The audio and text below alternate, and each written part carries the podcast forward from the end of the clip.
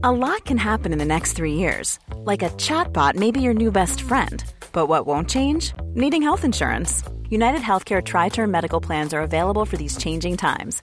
Underwritten by Golden Rule Insurance Company, they offer budget friendly, flexible coverage for people who are in between jobs or missed open enrollment. The plans last nearly three years in some states, with access to a nationwide network of doctors and hospitals. So, for whatever tomorrow brings, United Healthcare Tri Term Medical Plans may be for you. Learn more at uh1.com.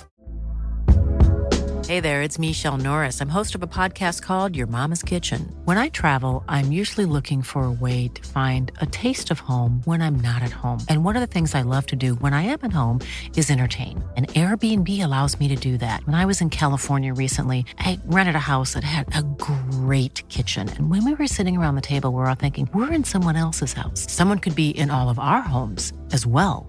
If you have a home, but you're not always at home, you have an Airbnb. Your home might be worth more than you think. Find out how much at airbnb.com/slash host. Nu är det lite omvända roller här, känner jag. Vad sa du? Att det är omvända roller? Var, ja, var befinner du dig? Ja, jag befinner mig just nu i... Ja! Vi har bytt. Eh, jag befinner mig eh, hemma hos eh, min kompis Magnus i hans lägenhet. För Mm. internet har lagt ner i hela byn som jag bor i. Så att jag kunde inte liksom gå hem Ja. till en granne eller, eller till eh, min svägerska utan det blev... Eh, ja, jag fick eh, åka. Och jag sitter i en by, har absolut inte duschat på tre dagar. Det är smärtgränsen. Alltså det är det du menar med att vi bytt roller? Att nu är det du som är smutsig? Podden Fyller Pantertant, det är avsnitt 80 och vi heter Britta och Parisa. Ja, och det är jag som är Parisa. Och varje vecka så pratar vi ju med er om det senaste inom kultur och nyheter. Vare sig det är samtidsbetraktelser, den där tv-serien vi sett och diskuterat eller någonting mer åt det politiska. Allt finns här. Och denna vecka så kommer vi prata om när jag drog igång en full utryckning med blåa ljus och så kommer vi prata om sex. Och så kommer jag göra en eh, så kallad trippel av olika verk och det samtidsfenomen jag tycker att de på något sätt tangerar och punkterar. Ja, så är det. Älskar att du kallar det verk. Nu säger jag det bara. Det låter så, det låter så grandiost. Det låter som att det står på Louvre. Ja, det gör det nästan. Vilket det kanske gör snart. Det här är motsvarigheten. Var med i våran podcast. Tack för att ni lyssnar. Välkomna!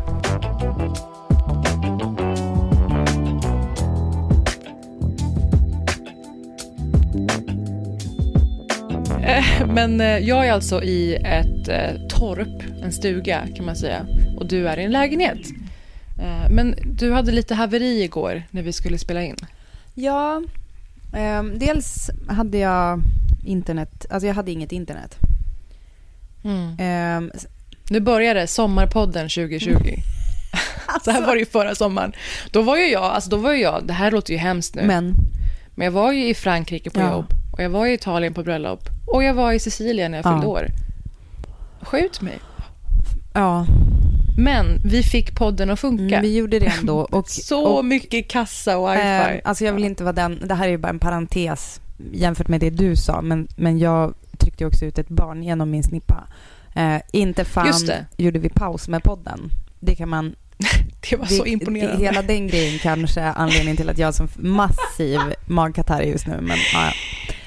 Just nu också, ett år ja, senare. ja det, det är nu det hinner ikapp mig. Jag, jag kan köra på fälgarna ganska länge. Okej, men du hade inget internet igår vad mer hände? Nej men sen så skulle jag ju åka till, alltså jag tänkte att jag skulle åka till tätort, det kanske blir bättre för jag hade ju massa så här jobbmail. Tätort. jag börjar säga det. det är kanske för internt. Eh, alltså jag börjar säga det, jag börjar prata om socknen och liksom tätort och så. Ja. Eh, då tänkte jag att jag skulle söka mig till tätort för att eh, få iväg lite filer jag var tvungen att skicka. Och Mm. då, Parisa, min goda vän, eh, då fick jag inte bara sätta mig i bilen och köra på motorvägen, utan bilen som jag för övrigt, jag tog en bil jag inte brukar köra för att jag skulle, jag skulle passa på att hämta ett bord. Eh, och jag tog en pickup som eh, ur, vårat, ur vårt bil, bilstall En typisk sån Steven Spielbergsk pickup. Man kör ifrån en genmanipulerad dinosaurie Ja, pickup. exakt. En sån. En typisk sån En Jurassic sån. Park. Ant, alltså, ja. Den kan användas till två grejer. Köra ifrån en genmanipulerad dinosaurie eller hämta ett bord man köpt på Blocket. Och eh, ni får välja vilket ärende jag hade igår. Men då var det i alla fall så att eh, bilen började ryka eh, ur motorn. Och det är Mm. så här, jag tror att man kan koppla in min, eh, mitt ursprung här. Därför att jag tänker, jag tänker inte, vänta bilen ryker, för i helvete, det här är panik. Utan bara, Mm. det är väl inte så farligt, tänker jag. Eh, och folk tutade på mig. Alltså det var verkligen så här, jag förstod på andra att det här var så jävla illa.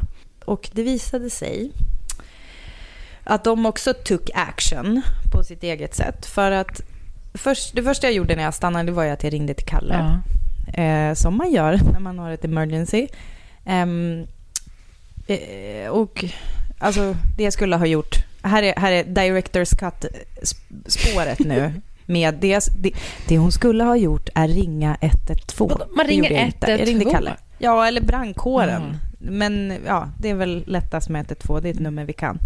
Ehm, och då eh, så, eh, Kalle bara, aha, då fick han packa in, för han hade båda barnen. Det var ju tur att barnen inte var med i bilen vill jag bara säga. Vi betonar det Men- för faktorn orosanmälan. Det var inga barn med. Exakt. exakt. Ehm, och då så fick han packa in dem i bilen och sen så ringde polisen mig. Mm. För då, eh, och eh, det här är egentligen enda anledningen att prata om det här. För att det är liksom så här, åh min misär. Det är ingen, ingen mer orkar höra mig klaga om olika missöden jag har varit med om. Men det, är så jäv, det var så jävla mysigt. För då ringer en polismänniska, en kvinna som bara hej. Alltså du vet världens tryggaste, trevligaste. Eh, som bara, har du lite problem med bilen? Ja, Och då berättar hon att folk har liksom ringt in och berättat att det sitter en person i, en, i ett brinnande fordon. ah, det, här är, det här är ju, det finns ju en teckning på det här. Det finns en teckning, en satirteckning med en person som sitter i ett brinnande hus och ser pratbubblan. This will be fine. Och den är, används ofta apropå politik i USA. Men det är alltså du, Ja, fast i en bil. Ja. Det, var, det visade sig att det var jag.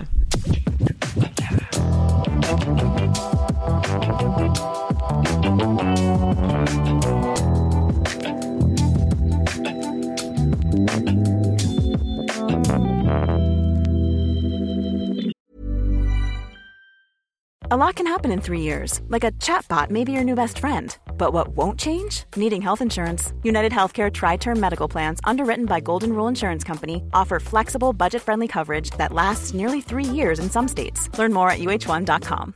Hey, I'm Ryan Reynolds. At Mint Mobile, we like to do the opposite of what Big Wireless does. They charge you a lot, we charge you a little.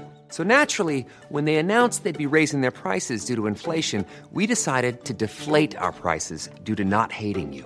That's right. We're cutting the price of Mint Unlimited from $30 a month to just $15 a month. Give it a try at mintmobile.com slash switch. $45 upfront for three months plus taxes and fees. Promo rate for new customers for limited time. Unlimited more than 40 gigabytes per month. Slows. Full terms at mintmobile.com. Britta, har du nå Karen i dig? Eh, jag har säkert mer Karen än vad jag vill erkänna. Du vet vad Karen-fenomenet innebär, alltså kvinnonamnet Karen. Ja men alltså vadå, Karen är väl ehm, vit eh, kvinna, inte så eh, sammankopplad med verkligheten. Dels det, men också uppfylld av eh, sina privilegier, sina rättigheter. Ja, Man kallar det för det- entitled white woman som liksom utnyttjar och rider på det här privilegiet.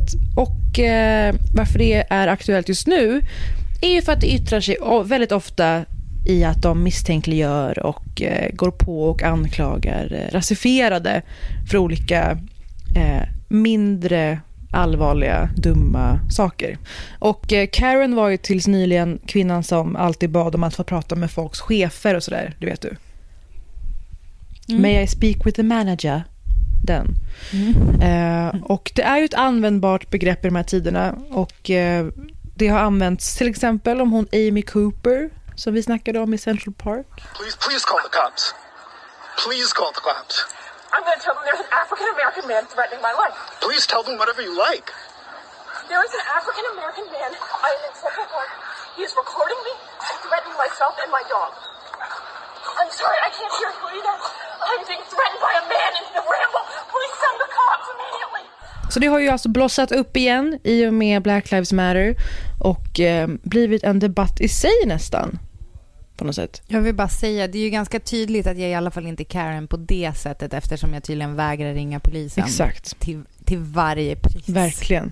Men de använder polisen som sin kundtjänst i princip och eh, nu finns det hela Twitter och Instagram-konton just vigda för det här i och med att hela coronagrejen, Black Lives Matter-grejen, det är så mycket som, och Trump såklart, vad det har gett dem för känsla av rätt till allt. Hur det har gjort att Karens är över oss mer än någonsin. I hear you have a problem with these gentlemen having a barbecue here at the lake. What's going on? Uh, it's illegal to have a charcoal grill in the park here. No, it's not actually. I just Yeah, looked at the it map. is. It says this is a designated barbecue area. Are you sure it's not because you don't want black people being out here? It has nothing to do with their race. This woman don't want to let a little girl sell some water. She calling police on an eight-year-old little girl. You can hide all you want. The whole world gonna see you, boo. Yeah, and um, illegally selling water without a permit? Yeah. On my property. It's not your property. You're on You told her to go back to her country where she's from. You're going back to Mexico. Alltså ett svenskt exempel på det här var en händelse som jag såg via då Lovette Jallow som vi ofta pratar Mm. om, alltså Action for Humanity eh, på Instagram. Hon la upp en incident där en tjej hade gått på Liljeholmsbron. Du, Ja, Känner du till den Katja här? Fernandes heter hon. En tjej som jag Mm. känner som bor i Stockholm och har rötter från Precis. Portugal. Ja, och Katja hade eh, minding her business bara promenerat på Liljeholmsbron när en kvinna i medelåldern, en, en svensk Karen, hade eh, insisterat på att polisen skulle gripa henne Mm. för att ehm, det hade varit ett rån tidigare där en kille hade blivit rånad av en svart man I dreadlocks. i rastaflätor. Ja. Eller i Ja, rasta precis, i- sa i med. dreadlocks. Ja, just det. Ja, jag tror rasta var ordet. Men då är det som att då, den här Katja hade då liknande frisyr, fast obs, väldigt viktigt, var kvinna. Ja, och långa twists heter det också. Exakt, alltså det, det, men alltså jag menar, det är alltså även om man är blind för olika frisyrer så är det ju som en, alltså ganska stor skillnad på Oh ja. eh, just kön. Alltså det, det, det säger så himla mycket om hur jävla klumpig den där...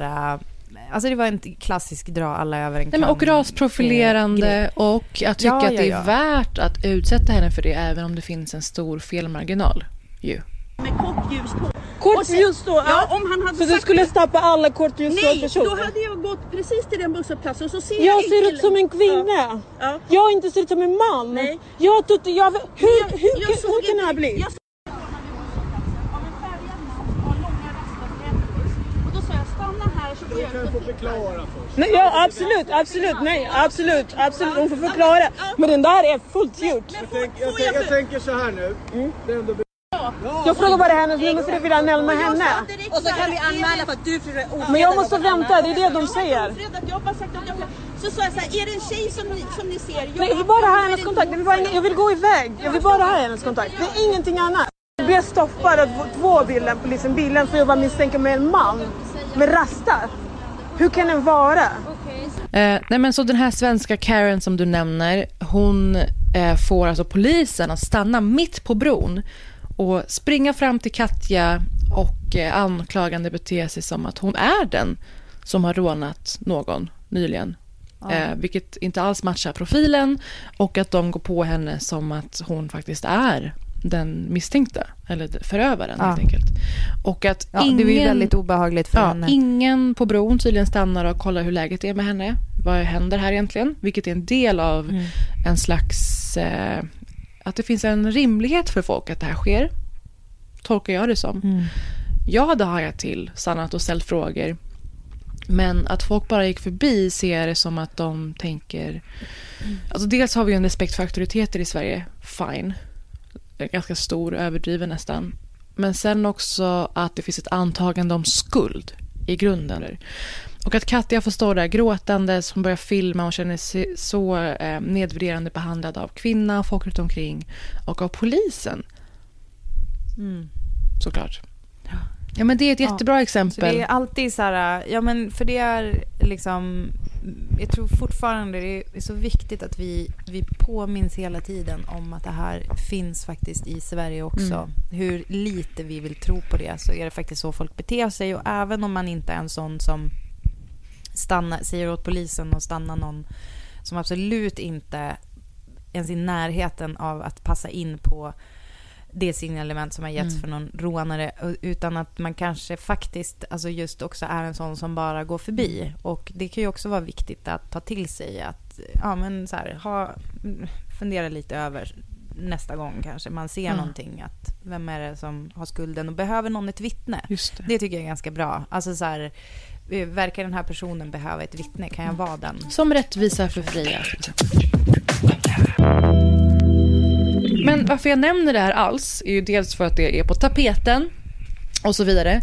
Men också för att de tre verken jag vill prata om nu, en film och två tv-serier, är på något sätt en del av the anti-Karen. Jag kände det när jag såg de här, att det här är the anti-Karen. De här olika kreatörerna och personerna och berättelserna eh, handlar just om de här normerna och konventionerna kring vem rasifierade får vara och vad de får göra. på något sätt. Och i vissa fall mycket mer explicit än andra. Men alla har, ett, har olika drag av anti-Karen. Nu kör vi! What are you do? What are you doing? I'm calling 911. Please don't do that. We would, we would never hurt anyone. I'd like to report a murder or whatever. We didn't murder anybody. Yeah, stop. You stop. Oh my God, the police aren't gonna believe us. Do you know how stupid we sound? The citizens arrest. Okay. What is that? that? is an arrest for the Can citizen. you do that? Can you do that? One, two, three, go! What? The guy just ran for it. Jabron! Okay, the guy's name is Jabron. Run, Leilani! And the girl's name's actually Leilani. Shit. Okay, she's she's running too now. She's just happens to be African American, and he just happens to be a, a person of color as well. But I don't like think they're murderers because they're minorities. I think they're murderers because they literally just killed a guy and he's playing. Oh fuck. Britta, jag hörde att du hajade till av personerna involverade i projektet här. Ja, eh, alltså jag blev glad av Issa Rae. Issa Rae är ju känd från Insecure och massa andra projekt. Bara som super... Ben, Ku, vad heter han? Kuma, Kuma. Ja, och med Kumail Nanjiani, alltså från Silicon Valley Kumail. såklart, men också Big Sick. Det känns som att det är en jävla mm, eh, plattan i mattan, en så kallad högoktanig Oh, Wow. komedi. Typ vadå? En, eh, en eh, kriskomedi? Ja men typ, kalla och det är så kul för alla jag har tipsat om att se den här filmen som då heter Lovebirds med de här två, de har dragit ut på det in i det sista och så har det kommit något sms som är så här, herregud vad mycket roligare den var än vad jag trodde. Och det är dels för att den har någon slags ehm, oturlig romcom-aura, så Adam Sandlerig film på något sätt, men också jättelåg IMDB-rating. Eh, så min kompis Johan skrev till mig att jag hade rätt och IMDB hade fel. Kommer leva på det i ett halvår, kan jag säga. För alla blir glatt överraskade. Och det det handlar om är alltså att de är ett par som har det slitigt. De blir vittnen till ett brott, säger jag lite vagt. Och sen så måste Ja. de göra allt de kan för att undvika att själva bli anklagade och gripna för det här brottet. Comedy ensues. Alltså jag älskar överlag när civila ger sig in i kriminella världen med liksom all liksom självklar humor det innebär. Och de här två med deras liksom otroliga improvisationsförmåga och något slags liksom actionkomedi-arv från typ Melissa McCarthy-filmerna och sådär. Den, den bra delen av det. Det är två väldigt fysiska komiker Mm. som kanske tidigare, alltså ehm, hans roll i Silicon Valley är ju väldigt mer, mycket mer såhär deadpan. Mm. Eh, han har ju mycket mer såhär samlad typ autistisk tech-kille-roll. Vilket Eh, slöseri. så att det är ju väldigt kul att få se. Vad Vilket du? slöseri. Och det blir otroligt Ja. fysiskt. Alltså vi pratar en enorm konspiration. Vi pratar eh, fighting-scener med stora djur. Vi pratar olika samtidsreferenser och deras liksom rappa eh, dialog sinsemellan är varför det här Mm. är en oväntat bra film. Så Lovebirds på Netflix. So is it just you and your mom? Mm-hmm. We move around every few months. She hides stuff, just like everybody else. I know about your little secret. Are you threatening me? Little Fires Everywhere, eh, baserat på Celeste Ings bok, som du läste och inte var ett fan av, som jag minns det. Nej, men jag tyckte inte, alltså så här, jag var ett fan av själva tematiken, men jag tycker inte nödvändigtvis kanske att berättelsen var, alltså den är, den är ju väldigt så här uh, Reese Witherspoon book club ehm, ämne. Men, eh, och det menar inte jag nödvändigtvis som något dåligt. Eller så gjorde Ja. jag det. Men eh, det som är, alltså jag förstår ju direkt vad du menar här för att Reese Witherspoons roll i den är ju the ultimate The Karen. ultimate Karen! Alltså hon har ju en, eh, en anställd som är en eh, kvinna som i... Eh, de har ju bytt. Det är en svart kvinna i, i, i tv-serien och i boken så är det eh, en av asiatisk Oh, härkomst. Intressant. Ja, alltså det, för de gjorde det för att, jag tror att det är för att, dels för att göra det mer liksom stora drag i USA, men också jag för mig att det var så att Kerry Washington var väldigt, väldigt peppad på att göra rollen. Just det. Som jag har förstått. Men låt mig då berätta om eh, tv-serieversionen av denna. Det är alltså Amazon som det finns på nu. Det var en sån Hulu-produktion från början. Så ni som har Amazon i Sverige kan alltså se Little Fires Everywhere. Och det är som du är inne på, Reese Witherspoon som iklär sig den ena rollen i den här bestsellerboken.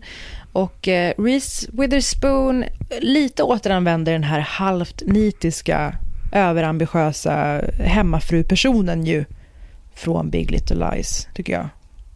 Eh, och det är i karaktären Elina Richardson. Elina Richardson har något mer Fox Music aura, skulle jag säga. Eh, hon slänger sig med begrepp som skaffa inte barn om du inte kan ta hand om dem, om fattiga människor. Och hon ligger där liksom, ideologiskt. Ja, och den utspelar sig under 90-talet så det är mycket liksom telefon i bilen och sådär. Eh, för den nostalgikicken. Eh, och det här nitiska utspelar sig inte bara i att vara eh, väldigt välplanerad med barnens skolluncher och sådär. Utan även till exempel att hon schemalägger eh, sex med sin man. Kan man säga att det är, om, för de som minns Desperate Housewives, för det var ju en väldigt eh, em, så här tydlig så här suburban område där man märkte så här att det, det var typ minst lika viktigt att då ha regelbundet sex med sin man som att ha en perfekt klippt gräsmatta på framsidan. Och det känns som att det är lite i det universumet, i alla fall så öppnar boken med det, att det förklarar eh, bostadsområdet som det här utspelar sig i, som heter Shaker Heights. Eh, och jag tror att liksom i den där världen försöker Reese Witherspoon, eh, alltså hennes prestationsångest eh, är ju liksom, det har ju blivit, det pyser ju rök ur öronen på den karaktären i så här, hennes försök att ha liksom både ett perfekt hem och typ underbar relation med sina barn och eh, se snygg ut och vara liksom härlig och bra på Ja, jobbet. det är många scener där hon väger sig och skriver upp sin eh, vikt identisk varje dag i ett block och sådär. Eh, Kerry Washington då, skådespelerskan som vi har sett i till exempel Scandal, va? var det många som såg henne i den lite mer såpiga serien. Hon är med här och spelar hennes motspelande, mer eh, radikala, fria, självständiga afroamerikanska konstnärsperson som heter Mia Warren. Och Mia Warren kommer till den här perfekta stan och utmanar deras sätt att leva och drama uppstår. Så hennes liv flätas samman mer och mer med Elinas liv och eh, krockar på en massa olika sätt. Så det är the ultimate Karen som du säger. Och vi har ett Karen-ögonblick i starten redan. Det är så att Mia Warren och hennes dotter har sovit i bilen på en parkeringsplats. De är mellanhus kan man säga. Och Rees karaktär Elina kör förbi och ringer polisen på studs på dem. Och det finns ju såklart anledningar att göra det om man anar någon slags misär eller eventuell olycka, kan jag tänka mig. Men att ringa polisen på en svart kvinna och ett svart barn är inte odelat välment. Såklart. Alltså istället för, istället för att först snacka med dem också. Till exempel.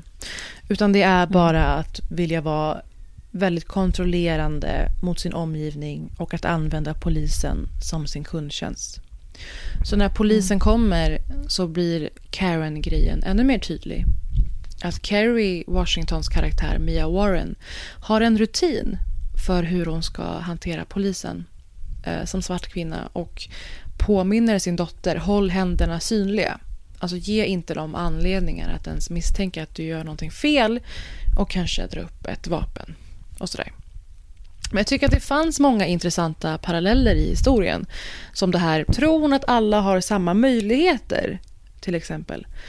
Eh, det hör mm. vi ju även här i Sverige. Men den, utman den utmanas ju starkt och blir så tydlig när Carries eh, dotter Pearl eh, ställs bredvid de här rika vita barnen. Men nu ska vi prata om den absoluta stjärnan i den här trippen och kanske i tv-världen just nu. Det är alltså HBO-serien I May Destroy You från och med den otroliga personen Michaela Cole. Hon hade den väldigt hyllade eh, debuten med serien Chewing Gum på Netflix som var semi-biografisk. Och det är ingen nyhet för er såklart, varit med i massa andra projekt också. Men här kommer hon med 12 omskakande, oemotståndliga avsnitt som så definitivt är 2020. How did last night end? There is so much injustice and my job is to speak the truth. Thank you for what you're doing. I love you too.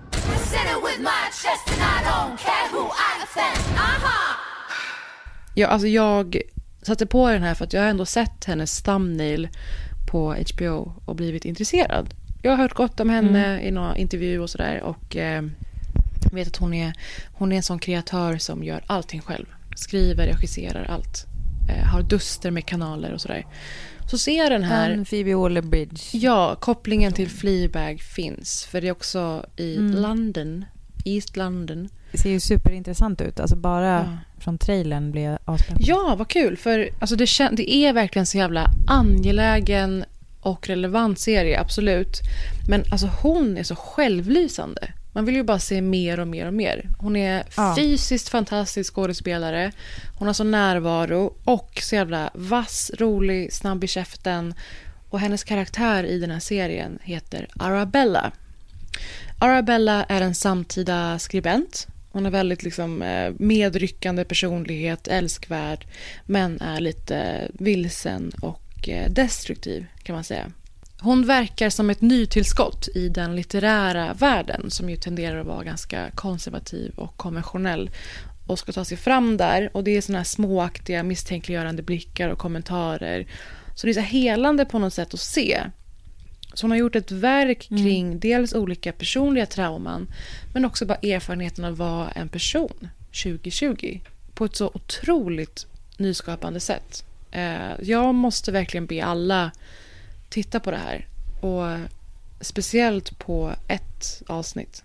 Det är nämligen så att Mikaela eh, har byggt det här avsnittet och vad som är som en röd tråd genom seriens första säsong utifrån en, eh, en personlig eh, händelse. Utifrån något som har hänt henne själv. Hennes karaktär Arabella vaknar efter en utekväll och har ett sår i pannan och hon tror att hon har varit med om en blackout. Hon har en deadline på ett bokutkast och sitter på kontoret och bara öser igenom det sista på sin dator. Och sen det här morgonmötet när hon ska presentera sin bok. Då känner hon inte igen någonting hon har skrivit. Hon minns inte ett ord av det hon har skrivit. Um, resten av dagen så kommer små, små frön av minnen. Och hon blir mer och mer beslutsam att lappa ihop luckorna kring vad som har hänt henne under natten. Och det är en minnesbild som plågar henne om och om igen. Och det är att hon underifrån ser någon Eh, något bankar och han ser väldigt, väldigt ansträngd ut. Och Det här är alltså baserat på hennes självupplevda övergrepp. Där alltså hon drogades i en drink och eh, det visade sig att det var två män som hade utsatt henne för den här uh, våldtäkten, övergreppet. Och det har hon då gjort liksom det mest definitiva, koncentrerade verket i år. Hon, hon har gjort en tv-serie som jag tycker kapslar in så mycket av vad det är man tampas med nu vad gäller allt ifrån integritet och vänskap och relationer och vägval till såna här mer eh, fruktansvärda händelser. Och det här är bara en av, ett av tolv avsnitt. Förstår, förstår ett enda avsnitt rymmer så här mycket i, eh, i berättande. Mm. Så jag är ju besatt av henne nu. Så är det. Mm. Mm. och hon eh, pryder dessutom New York Magazines senaste nummer med texten Michaela the Destroyer. De syftar ju på att hon kommer in och raserar alla strukturer i berättande och tv-värld. Förstår du vad mäktigt? At the age of 32, Cole is in full creative control as its showrunner, director, star and writer. There is no writer's room, She is her own fuel and engine. Och textens hela tagline är How a young talent from East London went from open mic nights to making the most sublimely unsettling show of the year. Jag har gåshud, så ni måste se helt enkelt I may destroy you. Och jag vill verkligen att ni berättar på Britta och Parisa vad ni tyckte om den upplevelsen till oss. Jag kan ha det till läxan nästa ja, gång. Och så tänkte jag bara säga att det finns en scen också. För den är också väldigt rolig, sa jag det? Den är otroligt rolig Nej. och skarp och eh, rapp mm. som fan verkligen. Skämttät, men de här lite mer, som du var inne på, fleabagiga skämten om det tragikomiska i allas våra, liksom, vår existens och försök att vara någonting annat än vi är. Och eh, det finns en otrolig menssexscen eh, också som jag är väldigt oh, spänd. Där har vi alla varit. Väldigt spänd på att ni ska se, speciellt du Britta. Eh, och eh, speciellt, hon lyckas göra det på ett helt nytt sätt. Det är en väldigt obevakad eh, miljö ändå. Ska man säga så? Mensex. Verkligen. Ja, så det var the anti-Karen triple.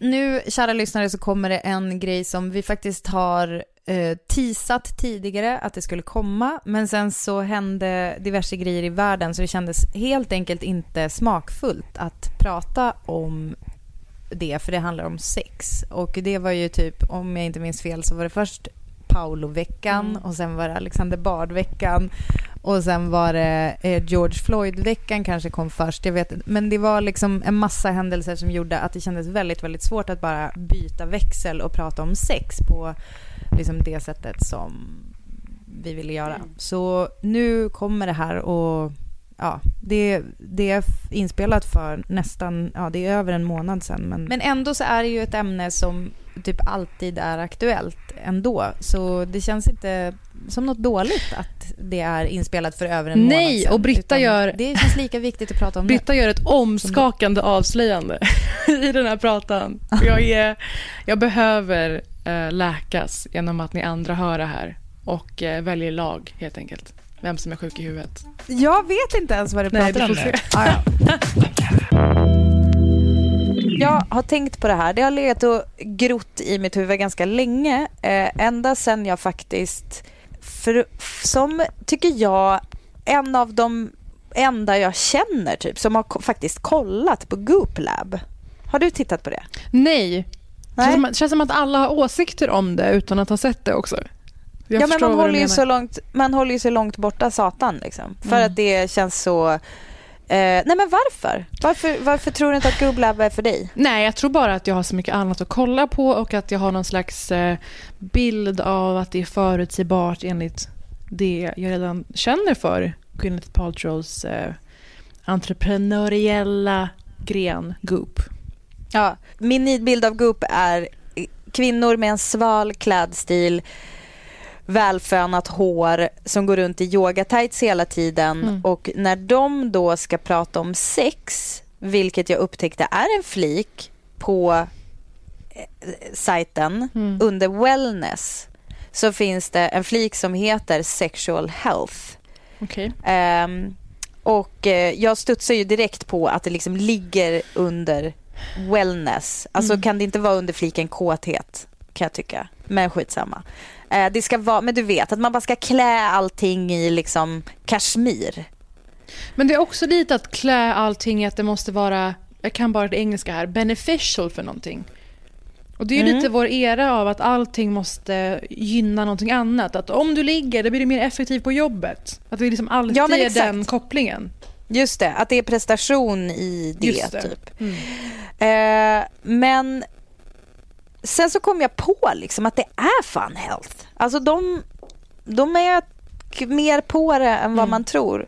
Eh, och att vara i kontakt med sin sexualitet är liksom hälsa, tycker jag i alla fall. Och det är att ta ett ansvar för sitt eget välbefinnande. Jag, jag, håller faktiskt med om det. Och då, det som hände varför jag ens var där inne och rotade är ju för att Gwyneth Paltrow famously mm. lanserade den här eh, programserien som finns på Netflix med eh, en sån där fotovägg som var blommor arrangerade som en fitta.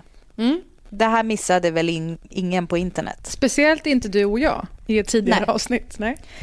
Och det är ju genialt. Alltså på det sättet är hon ju ett jävla geni. Och mm. hon lanserade ju också do doftljuset This smells like my vagina. Det har vi tidigare pratat i podden apropå att Erika Badu gjorde en egen.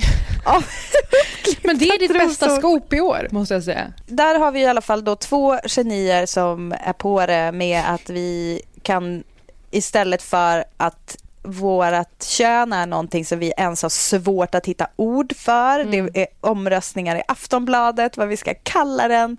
Eh, att vi faktiskt, eh, att det är någonting som vi faktiskt eh, ja, jag vill inte säga hylla, för då låter det väl som Regina Lund, men du fattar. Men och, du, är, du är ju tveklöst poddens Regina. Ja, det är Jag har faktiskt skrivit i min bok, min träningsbok, i avsnittet som mm. handlar om att typ komma tillbaka efter gravidkroppen så skriver jag så här, liksom just de exakta orden, ursäkta att jag är Regina Lund, men varför är det ingen som tipsar om att få regelbundna orgasmer istället mm. för att göra knipövningar? Alltså det är ju samma stärker, muskler som jobbar, det, ja. det ena är roligare. Det ena är roligare. Alltså knipövningar är... Det är något jävla var... straff alltså. Ja, men varför i helvete säger ingen bara se till att du kommer ofta så löser det sig. Alltså det är så jävla sjukt. Men i alla fall. I Goop Lab, så i avsnittet som heter The pleasure is ours så, eh, så träffar de en tant i Lura som heter Betty Dodson.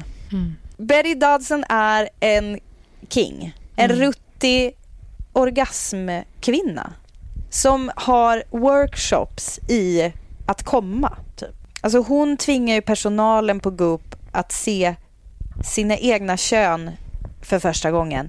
Vuxna kvinnor som inte har sett sina kön. Nej, de får hur titta i spegeln. Man satt väl i omklädningsrummet... Ja, du menar hur går det till att... att det är första gången. Man satt väl i omklädningsrummet efter gympan alla satt med liksom ett ben upp på bänken och var så här, hur, hur går det där nere egentligen? Allvar? En, Gjorde en du? En tjej hade fått hår och vi alla var Men, fascinerade. Gjorde du? Ja, men jag tror... Men är det för att du har hållit på med lagsport? För jag har märkt att det är en väldigt eh, fri, ja, det, liksom naken stil i lagsport. Det är därför det är så bra för tjejer, flickor, att vara med ja. i just idrotter som är lagsport. Absolut. För att man ser kroppen så mycket som ett verktyg, kroppen är på din sida. Alltså det, det är så mycket bra som byggs där av synen på en kropp. Och man ehm, runkar i grupp. Eh, tyvärr inte. Eh, men jag menar bara att det var väl en grej som man snackade om och var lite fascinerad av. Och liksom, jag, jag tycker det är underbart. Jag tror snarare att det är min Hägerstens uppväxt där varannan, för, varannan förälder var sociolog och liknande. Eh, ja. Att det var det som medförde att vi var så intresserade, fascinerade. Så en pusselbit är i alla fall Betty Dodson och Goop. En mm. annan pusselbit är att jag lyssnade på våra vänner i The Skaver podcast mm. som, de, som i två avsnitt efter varandra pratade om just onani och eh, att eh, Cassandra utnämnde sig själv till eh, ordförande i Svenska pullförbundet, vilket jag tyckte var så fruktansvärt. Det är ett roligt avsnitt, och, mm. men det är framför allt så lärde jag mig att det finns någonting som heter en satisfier som tydligen alla vet vad det är. Men jag gissar typ för att jag är så här, i en relation, fast det är också jättekonstigt att ingen har tipsat mig om det här. Mm. Eh, min, min enda ledtråd till varför jag inte vet det här är för att jag inte pratar sex med mina kompisar. Framför mm. allt inte sex med sig själv. Men Satisfiern har ju blivit lite av en, eh, en nästan ett meme. Alltså det är på den nivån.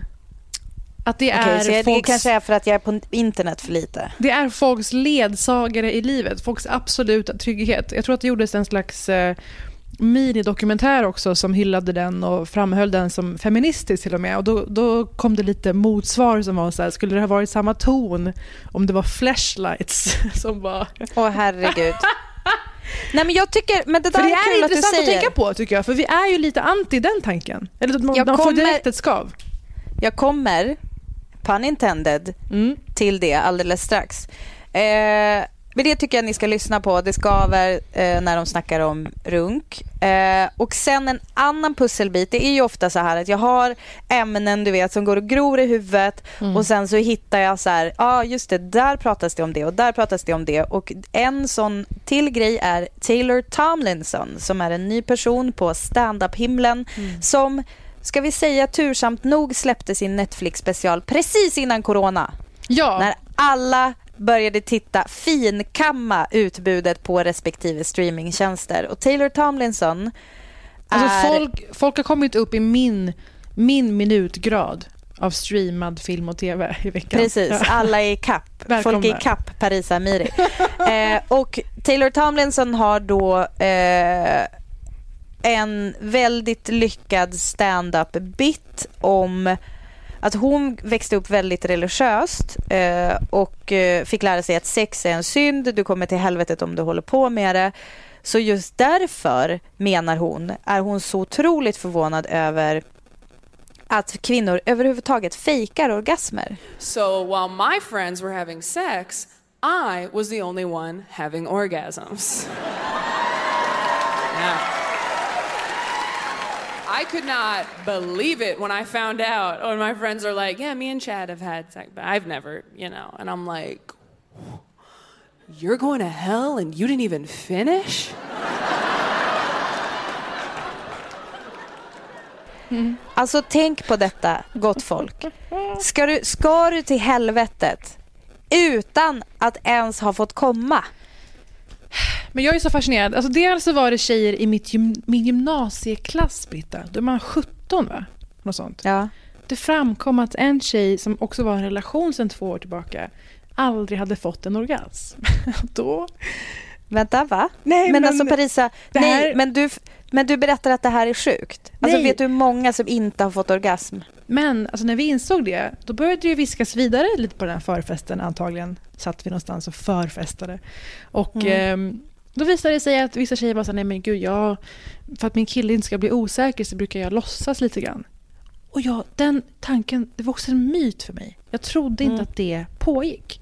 Har du, mm. nu frågar jag dig, har du fejkat? Jag är glad att du frågar. Ja, mm. det har jag. Hur Många går det till? gånger. Va? Alltså, jag är bara så otroligt bra skådis. Så jag såg det som ett tillfälle att öva. Det här är varför du har gått på improv. Du bara, hej, eh, är det här kursen för att lära sig fika? Nej men grejen är den att jag, alltså, jag, och det är ju, det känns ju också taskigt mot de tjejer som kom efter. Mm. Osolidariskt. Eh, som, som kanske inte kom efter. Därför Slu att jag... Nu lyssnar ni på oss. Sluta mata upp det här jävla egot Jag som vet, bara bryr sig vet. om sin egen njutning. Nej men det är det, precis. Alltså så här. Det är ju ett problem, det är ju ett systerskapligt problem att eh, på något sätt nära den där då föreställningen om att eh, det, hur sex går till. Det här, det här är som att du berättar för mig att du är scientolog. Nej. Men alltså Parisa, du måste ju ändå tänka på att jag har varit, jag har haft sex partners som, är- det är ju också så här bara, do I even bother? Alltså förstår du? Det är så här, jag vill kanske bara, alltså i, i vissa fall så kanske det handlar om att, jag ska inte säga skydda sig själv men så här, jag känner mig, jag känner mig klar. Jag vill inte ligga och skava längre. Det var inte, jag, men alltså absolut, jag hade ju kunnat säga så här, vet du vad, tack det kommer inte gå, hej då typ. Nej, men jag brukar Det bara, hade nu, ju varit- nu, nu vill jag att det här ska vara över. Alltså man kom, ibland kommer man till en punkt som du säger att man bara, det är över, stunden, the moment has passed.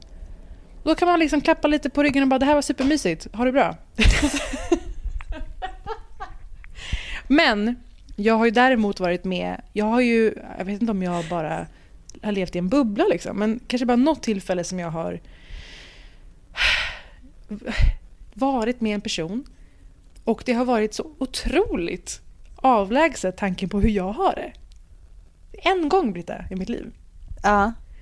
Och eh, jag minns att den blev väldigt stött av eh, ens anspråket på att tycka att det är en naturlig förekomst. Att jag också liksom... Nej vänta.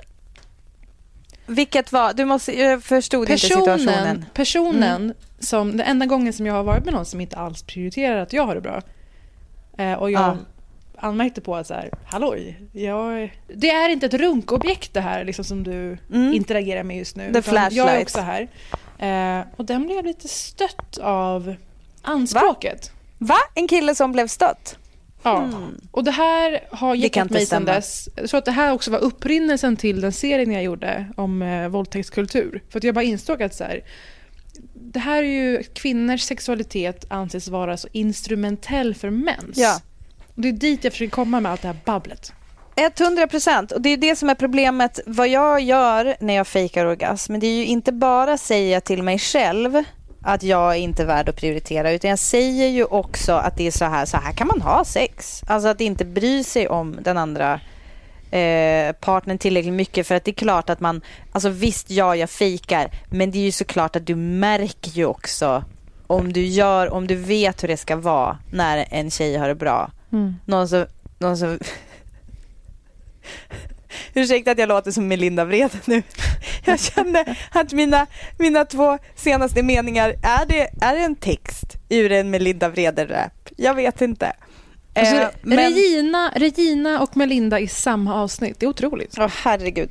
Nej men alltså, jag menar det är klart att någon som verkligen hade koll hade märkt att det här är Mm. liksom inte, det här är inte nice för henne. Så bra skådis är jag faktiskt inte. Eh, men så att det är, ju, det är ju väldigt problematiskt på alla sätt och vis. Men varför gör jag det då? Det är ju det är ju inte riktigt mitt fel utan jag har ju en stor del av mitt liv, ja men också typ så här inte varit bekväm med att killar går ner på mig. Mm. Eh, varför då? Jo, för att jag väl inte varit helt enkelt bekväm med liksom, mitt eget kön i någons face. Men varför får snubbar, varför, varför verkar de liksom ha det typ helt naturligt att slänga runt en Ja. kuk i ansiktet på en eh, liksom hur lätt som helst? Alltså knappt utan att ens hälsa först. Alltså det, det är ju liksom, det, det, är ju någonting där. Och det jag vill komma till då med det här snacket, ehm, en till pusselbit är eh, våran kompis Klara Svensson har ju skrivit en bok om, eh, som heter Relationsbibeln för er som vill hålla ihop länge. Klara Doktorov eh, har skrivit, alltså det var ändå kul att jag bara, du vet, jag bara bläddrar i den här Mm. och hamnar på ett bra sexliv börjar med dig. Eh, som handlar om onani. Mm. Att sexlivet i din relation missar också något om du hoppar över onanin. Mm. Och det är, det är exakt det är exakt dit jag vill komma. Alltså, eh, om vi inte tar ansvar för vår egen orgasm, om vi inte ser till att vi lär oss själva hur vi ska komma, hur, vad vi, tyck, hur vi tycker om att ha det när vi har Mm. sex. Vad, vad går vi igång på? Vad blir vi kåta av? Vad, vad känns bra? Vad känns inte bra? Om vi inte vågar kommunicera det till våran partner. Eh, om vi inte gör det med folk vi ligger med Mm. som vi inte känner och så vidare.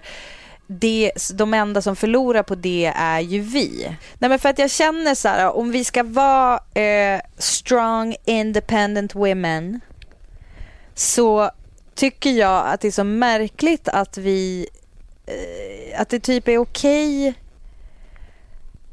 att vi liksom nästan lite så här rynkar på näsan åt onani. Alltså förstår du? Det, det, jag tycker att det, jag blev, jag tror att det, det som hände för mig när eh, Nadja och Elsa och Cassandra pratade om det i Mm. Det skaver, för de verkar ha en helt annan ingång på det för att de, jag tror för att de är yngre än jag. Och Mm. jag tänkte på det och jag frågade en kompis som var här. Jag, jag träffade en kompis och så sa jag till henne så här absolut efter ett par glas vin. Så jag bara, varför snackar vi aldrig om sex? Och liksom är det bara med mig du inte snackar med om sex eller är det typ med alla dina kompisar? Och hon, hon bara, nej men det är typ generellt. Så kanske folk eh, inte är så benägna och särskilt inte prata om så här, fan, fan vad jag runkar skönt igår. Nej men det är roligt, alltså det är kul att skämta om det så. Men det, är, ändå nog märkligt. framför allt, som du säger, att man inte går in på det längre när någon är i en relation. Det är någon jävla Ja. märklig gräns där. Och sen med andra Nej, men jag kompisar tror- är det ett jävla tjat om det hela. Men, hur, men och då tänker jag bara så här, om våran sexualitet till och med ligger i mäns händer, bokstavligt talat. Eh, hur fan, hur jävla självständiga är vi ju då liksom? Om vi inte själva vet vad, hur vi ska komma på bästa sätt och så vidare, då, då är det ju liksom inte så konstigt om man kanske, du vet, det dröjer lite för länge innan man säger ifrån i en situation som kanske inte känns 100% nice Mm. det är också att säga till sig själv, alltså på samma sätt som du vet hur ska jag säga det här? Alltså Men, det, känns, ja. det, känns som att, det känns som att vi genom att förneka oss själva den njutningen, den alltså absolut self-care Mm. biten i det här. Det är endorfiner. Alltså du vet, man kan gå in och prata om allt det där, att det är typ beneficial. Men, men jag, jag håller med dig om att det finns som en slags prestationsgrej i det. Men om vi bara snackar om Mm. att det, det är så här, det är en jävligt alla vi är överens om att sex är jävligt bra på alla möjliga sätt. Alltså, det är men vi ju kan inte. inte... Nähä? Nej. Nu kommer teoritanten här gumman. Det, är, Mm. det här är för mig det här att kvinnlig sexualitet är så skamfylld. Um, alltså redan i gymnasiet, högstadiet. Jag kommer ihåg när det började gå snack om att den har legat med den, men gud. Alltså hora madonna, det lever ju kvar. Ja, Bara gud, för att ja. vi är i någon slags, någon slags medvetna kretsar. Det lever Mm. kvar, det är inpräntat i en, vi har internaliserat det här. Och sen så går steget därifrån till det här med tjejer med korta kjolar, victim blaming, allt vad det är. Bli tafsad på och bara ta det. Det är att inte ha auktoritet över sin egen kropp, mandat över vad man vill ska hända den, vad man själv vill göra med den. Eh, och jag tror att man inte är så bra på att faktiskt granska vilka attityder vi fortfarande dras med. Och varför jag tar upp hora madonna också är från männens blick. Att det på något sätt är inte lika hett om tjejen väldigt gärna vill ha sex och tycker om sex.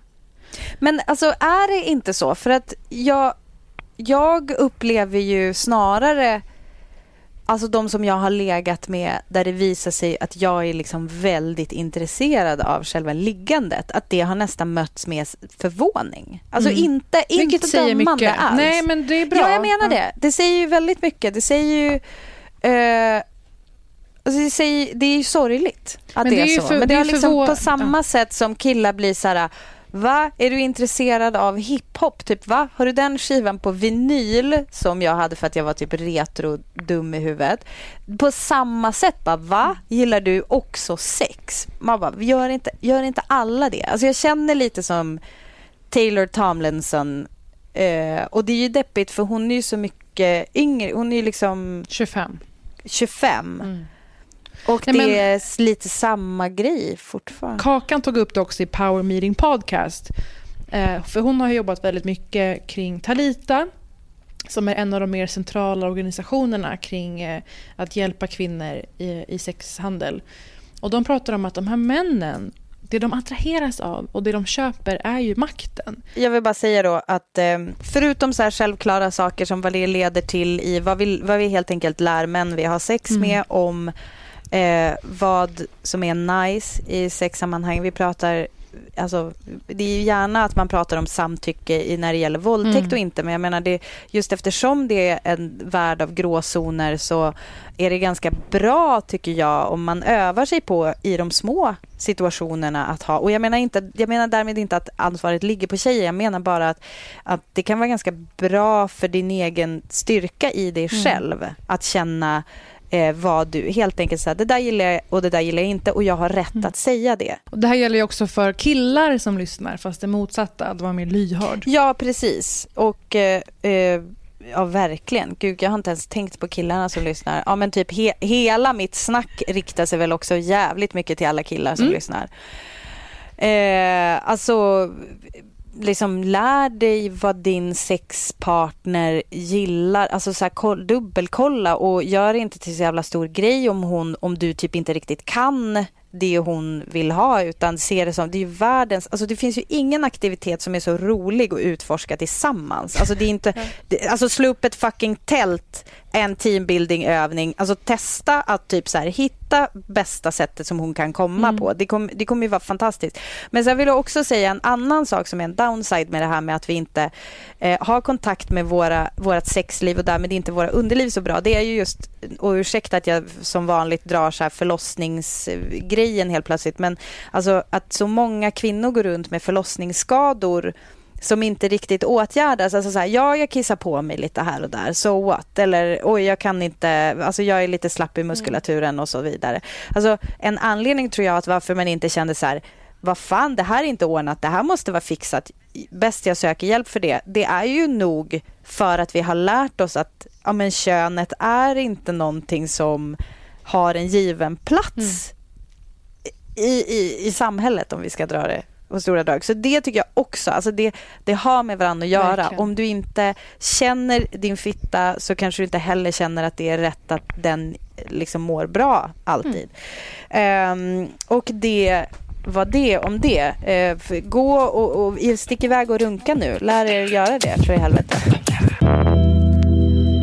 Hör gärna av er om vad ni tänker på kring sex och eh, eller andra grejer som vi har pratat om i det här avsnittet. Ni vet var ni hittar oss, Britta Parisa på Instagram. Det finns saker att prata om, anar jag. Det gör det Efter det här avsnittet. Ja. Otroligt Eh, kul i alla tack, fall hörni. att vi hänger i sommar. Eh, Det känns jätte, jätteroligt. Det kommer hända mycket Det- saker, anar jag. Yes. Hörs nästa vecka igen. Puss! Puss och kram. Hej hej.